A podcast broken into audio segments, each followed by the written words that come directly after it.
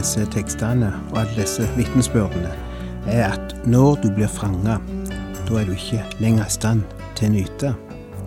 Det som du før nøyd, blir en besettelse, et fengsel, en tyrann.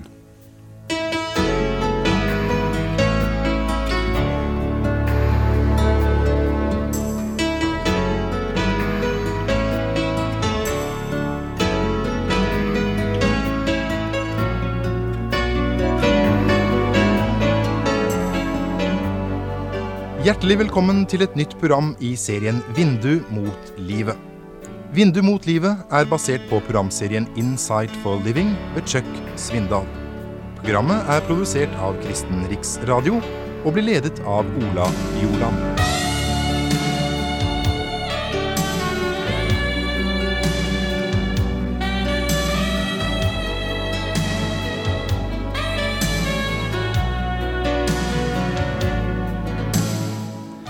Det er vel ikke en av oss som ikke har opplevd at det Bibelen kaller synd og ulydighet, både har sine behagelige og ubehagelige sider.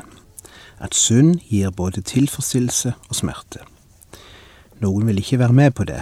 De vil hevde at synd kun skaper smerte. Men det sier ikke Bibelen, og det sier ikke erfaringen. Synd gir nydelse. Men nydelsen er kortvarig, sier Bibelen en kortvarig nytelse av synden. Var ikke det Moses sto overfor da han sto overfor valget å lide vondt sammen med Guds folk, eller å oppleve en kortvarig nytelse av synden, som det står. Men det er en ting som vi ikke hører mye om i dag, som nyhetsmedia og lykkeprofeter i dag ikke sier mye om. Vi får høre hvor fint det er, og hvor godt det oppleves å leve slik og slik, hvor attraktivt det er, men sjelden eller aldri får vi se baksiden av det, konsekvensen, smerten som kommer etterpå. Det skal en ikke snakke om. Det kalles moralisme. Og å moralisere, det skal en ikke gjøre i dag. Da er det visst bedre å lyge om sannheten og tie om konsekvensene. Her er vi på heimebane. De fleste av oss har opplevd noe av denne lovmessighet, som Bibelen kaller syndens lønn, som romerbrevet iallfall kaller det. Konsekvensen, altså. Smerten som føler. Tomheten. For vi har vel alle våre ekskursjoner i synd. Våre utflukter. Våre turer, enten det er moralske ekskursjoner, eller materielle, eller emosjonelle. Målet med ekskursjonene er å gi oss en eller annen form for opplevelse og nytelse. Og de gir det. Visst gir de nytelse. For ei stund. Ingen vitner så sterkt og levende om dette som den store Salomo i Det gamle testamentet, både gjennom ord og liv. Han skrev tre bøker i løpet av sin levetid, som har fått plass i Bibelen. Jeg antar at han det, at um, den første han skrev, var den som har fått navnet Høysangen. Han var en ung mann da han skrev den, romantisk, levende, lidenskapsfull. Ikke bare heter den Salomos høysang, men den, noen har også kalt den litteraturens høysang. Han skrev om kjærligheten mellom mann og kvinne. Noe seinere, omtrent på midten av livet hans, skrev han den boka som er blitt kalt Forkynneren, eller Predikeren. Det var i en periode av livet da han var begynt å bli fornøyd med alt han hadde opplevd, fornøyd av nytelsen, dvs. si mett av nytelsen, lei av livet. Og til sist skrev han boka som har fått navnet Ordspråkene, eller Salomos ordspråk, som vi holder på med nå. Som sagt, i den andre boka si, som heter Forkynneren, begynner han å få nok av det hele, nok av nytelsen. Her kan skrive kapittel to for vers én. Jeg sa i mitt stille sinn, nå vil jeg prøve gleden og nyte det som er godt.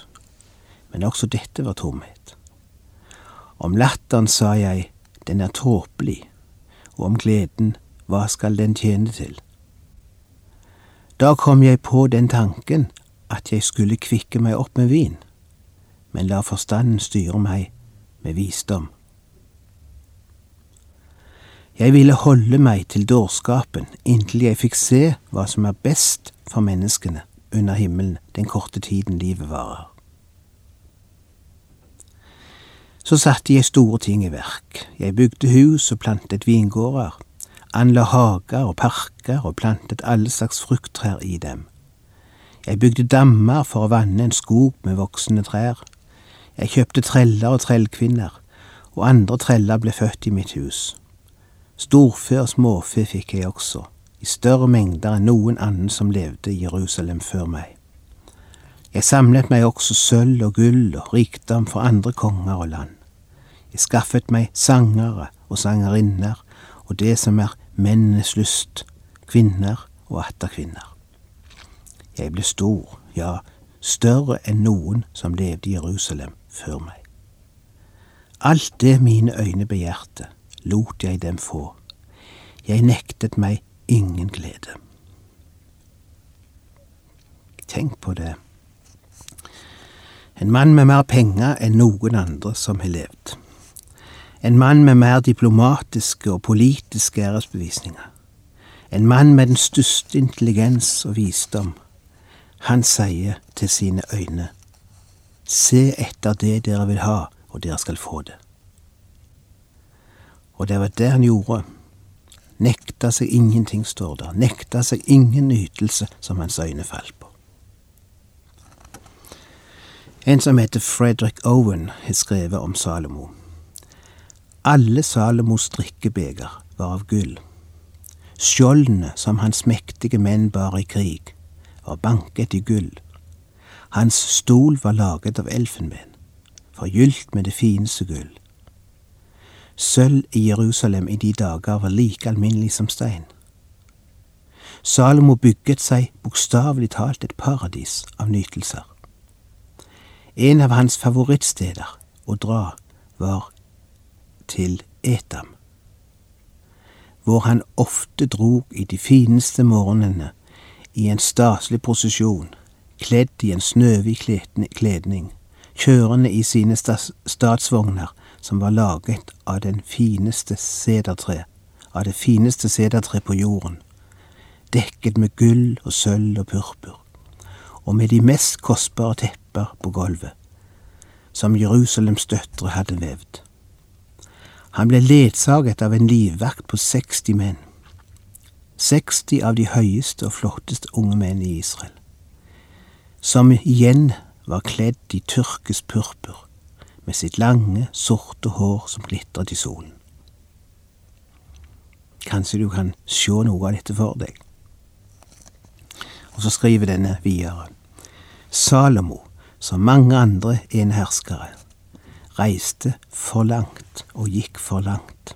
Han ble en egoist, en kyniker, så opphengt i den sensuelle nytelse og de materielle goder at han til slutt ble mett, og ble skeptisk til alt som var godt.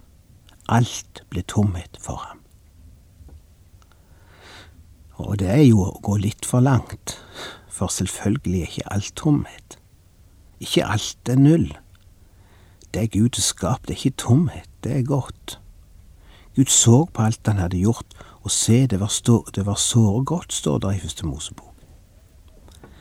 Men det er bare det at når du har spist deg mett på det, du er sløst og fråtser i deg i egoistisk og tom nytelse uten å sette det inn i den ramme som Gud setter, da blir det til slutt tomhet for en. Da blir en ikke i stand til å nyte det lenger. Da blir det en besettelse. Det er det han sier i vers 11, Salomo. Jeg ga meg til å tenke over alt det jeg hadde gjort med mine hender. Det jeg hadde strevd og slitt med. Se, alt var tomhet og jag etter vind. Det er ingenting å vinne under solen. Hva er det som er skjedd? Han har vært gjennom måneder og år med sensuell nytelse. Uhemma nytelse. Kvinner, vin og sang. Byggeprosjekter og dammer og hager og vingårder. Og skoger og tre og all slags frukt. Han grafsa det i seg, og så til slutt er det ingen nytelse lenger i det. Det blir tomhet. Tenk, det sier til og med en narkoman. I begynnelsen brukte han stoff for å komme i ekstase, fordi det ga nytelse. Etter hvert bruker han det for å dempe på smerten som stoffet har skapt. Det blir en tvang, det blir en avhengighet, det blir et slaveri, et fengsel som en ikke kommer ut av.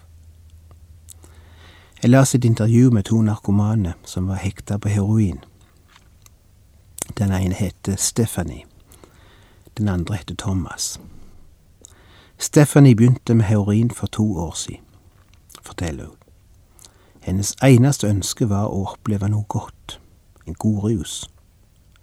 Og det var det hun òg opplevde i begynnelsen. Det var helt fantastisk, sier hun. Men etter hvert kom avhengigheten.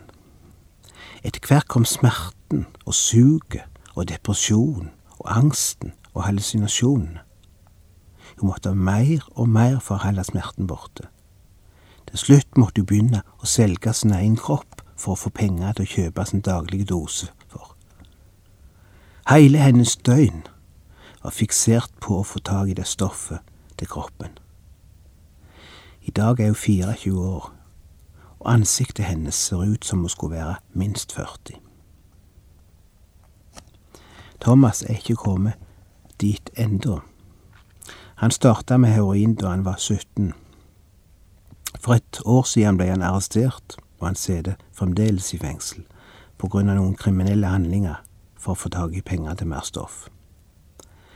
Men han sier at det første han skal gjøre når han kommer ut av fengselet, er å skaffe seg stoff, og fortsette der han slapp. Han sier, du kan ikke forestille deg hvor fantastisk heroin er. Det er som å være i himmelen. Ja, jeg kan Jeg tviler ikke på at han mener det. Men den himmelen kan jeg godt klare meg uten, for det er ikke langt ifra himmel til helvete i det riket. Ofte bare måneder og år, så er himmelen forandra til helvete. Men dette illustrerer bedre enn noe annet det Bibelen taler om og det Salomo taler om, om syndens lønn, om nytelsens konsekvenser, om tomhet og skyld og avhengighet og smerte. Og Gud har skrevet ei bok i Bibelen som handler om akkurat dette. Mange bøker, forresten.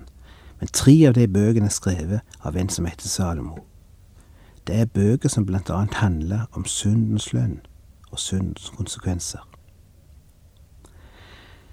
En, en annen bok i Bibelen som snakker mye av dette, er den boka som har tittelen Klagesangene.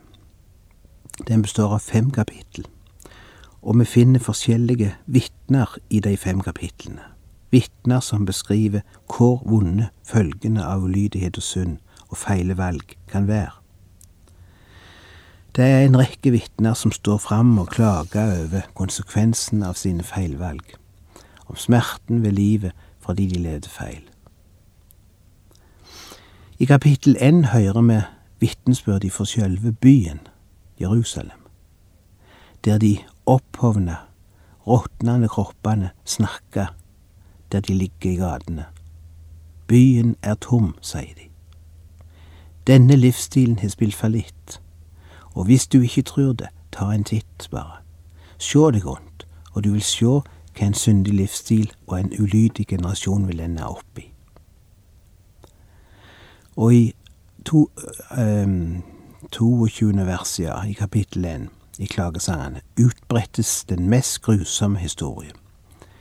Det er som en narkoman som vitner og sier sjå på meg, sjå hvordan jeg ser ut, sjå på livet mitt, hvis en kan kalle det et liv. Det var ikke verdt det. Den korte nytelsen var ikke verdt den prisen jeg nå må betale. I kapittel to taler Gud. I vers 22 forteller Jehova historien om de grusomme konsekvensene av synd og ulydighet. I kapittel tre, i de 66, 66 versene der, taler profeten, han som har skrevet boka. Han vitner med sine egne ord hva han ser på disse gatene i Jerusalem, som før var så fulle av liv og sang og glede, men som nå er tomme og tause. I kapittel fire snakker sjølve tingene, gjenstandene, i dette tilfellet gullet og sølvet, de materielle ting, rikdommen. De snakker om hvor verdiløse de er blitt. Å, hvor gullet har mistet sin glans. Det fine gullet er skjemt. De hellige steinene ligger strødd på alle gatehjørner. Fiender har inntatt byen og lagt den øde. Innbyggerne er tatt til fange, og gullet ligger der og ingen verdi lenger. Hvem er bruk for gull når du ikke lenger har frihet til å nyte gullet? Poenget i alle disse tekstene er, og i alle disse vitnesbyrdene er at når du blir en fange, når du blir fanga, da er du ikke lenger i stand til å nyte. Det som før var en nytelse, blir en besettelse, et fengsel, en tyrann, slavedriver. Og ingen av oss liker å være fanga, men det er det vi blir. Og da er vi kommet til kapittel fem det siste kapittelet i denne boka, som heter Klagesangene. Der får vi vitnesbyrdet fra fangene. Kan du sjå det for deg, der de vandrer på vei ut av Jerusalem, den glade byen som de en gang bodde i. Nå er de tatt til fange, og de er på vei bort til Babylonia, til fangenskap, og de ser bare ryggene på de de, ryggene på de der de lusker bortover ørkenen, og du hører ekko av deres tunge skritt, og du hører ekko av deres tunge, tomme liv. Og disse er det som nå sjøl forteller sin historie. Historien om hva synd og ulydighet gjorde med deres liv. Hør hva de sier. Herre, tenk på hva som har hendt oss. Se hit og legg merke til hvor vi blir hånet. Vårt land er kommet i hendene på fremmede. Utlendinger har fått våre hus. De er på vei til Babylon. De har forlatt sitt heimland og sin hjemby Jerusalem. De har forlatt sine hus og sine heimer, sine eiendeler.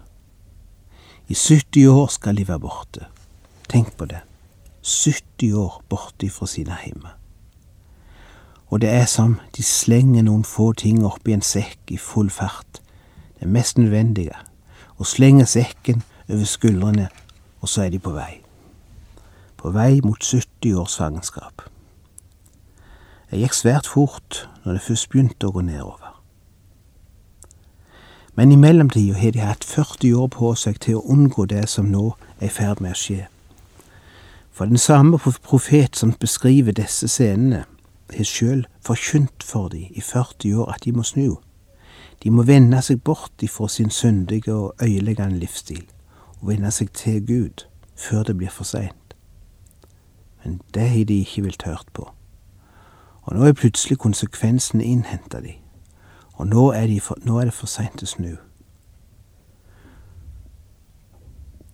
Og vi skal lese hele dette kapittelet nå mot slutten. Hør dere klage nå. Vi har blitt foreldreløse, har ingen far. Mødrene våre er som enker. Vi må kjøpe det vannet vi drikker, og betale for veden vi bruker. Vi har forfølgerne på nakken, vi er trette og får ikke hvile. Vi rakte hånden ut til Egypt og Assur for å spise smette av brød. Våre fedre, fedre syndet. De er borte, men vi bærer straffen for deres skyld. Det er treller som hersker over oss, og ingen river oss ut av deres hånd. Vi henter vår brød med fare for livet. Sverd truer i ødemarken. Vår hud er het som en ovn, for sulten gnager i kroppen. De krenket kvinner i Sion og unge piker i Judas byer. De tok og hengte stormenn og hadde ingen respekt for deres eldste. Unge menn måtte slite med kvernen, og gutter seinet under vedbøren. De gamle sikter ikke lenger i porten. Det er slutt med ungdommens strenge spill. Gleden er borte for vårt hjerte. Dansen er skiftet om til sorg. Kransen er falt over, kransen er falt av vårt hode. Ved oss, vi har syndet. Derfor er vårt hjerte sykt, våre øyne har mistet sin glans. For Sionfjellet ligger øde. Der løper nå rever omkring. Men du, Herre, troner til evig tid. Din trone står for slekt til slekt. Hvorfor vil du glemme oss for alltid, forlate oss for lange tider? Herre, vend oss til deg, om til deg, så vi kan komme tilbake. La våre dager bli som før. Eller har du forkastet oss helt og blitt brennende harm på oss? Noen kan gjøre disse ordene til sine i dag. Noen som en gang hadde et umiddelbart og åpent forhold til Gud. Men så begynte det å skje ting i livet, og du visste at det var ikke rett. Og så ville du ikke gjøre noe med det, du ville ikke snu, og så kom du inn i denne vonde sirkelen. Og etter hvert mista du frimodigheten, mista kontakten med Gud. Som det sies her, vi er blitt foreldreløse, har ingen far. Vi må kjøpe det vannet vi drikker, og betale for veden vi bruker. Og det er så levende. Det som før flaut fritt. Vi hadde frihet til å nyte det. Det er nå blitt noe som vi må betale for. Det er resonnementet her. Det er blitt et slaveri. Det er bokstavelig talt den situasjonen jenta som var narkoman, beskrev. Jeg må nå selge min kropp for å få penger til å kjøpe stoff som skal lindre den smerten kroppen min har, som det samme stoffet har skapt. Da har du kommet inn i en vond sirkel. Men vonde sirkler er til for å brytes. Når ingen mennesker kan bryte din vonde sirkel, da kan Gud det.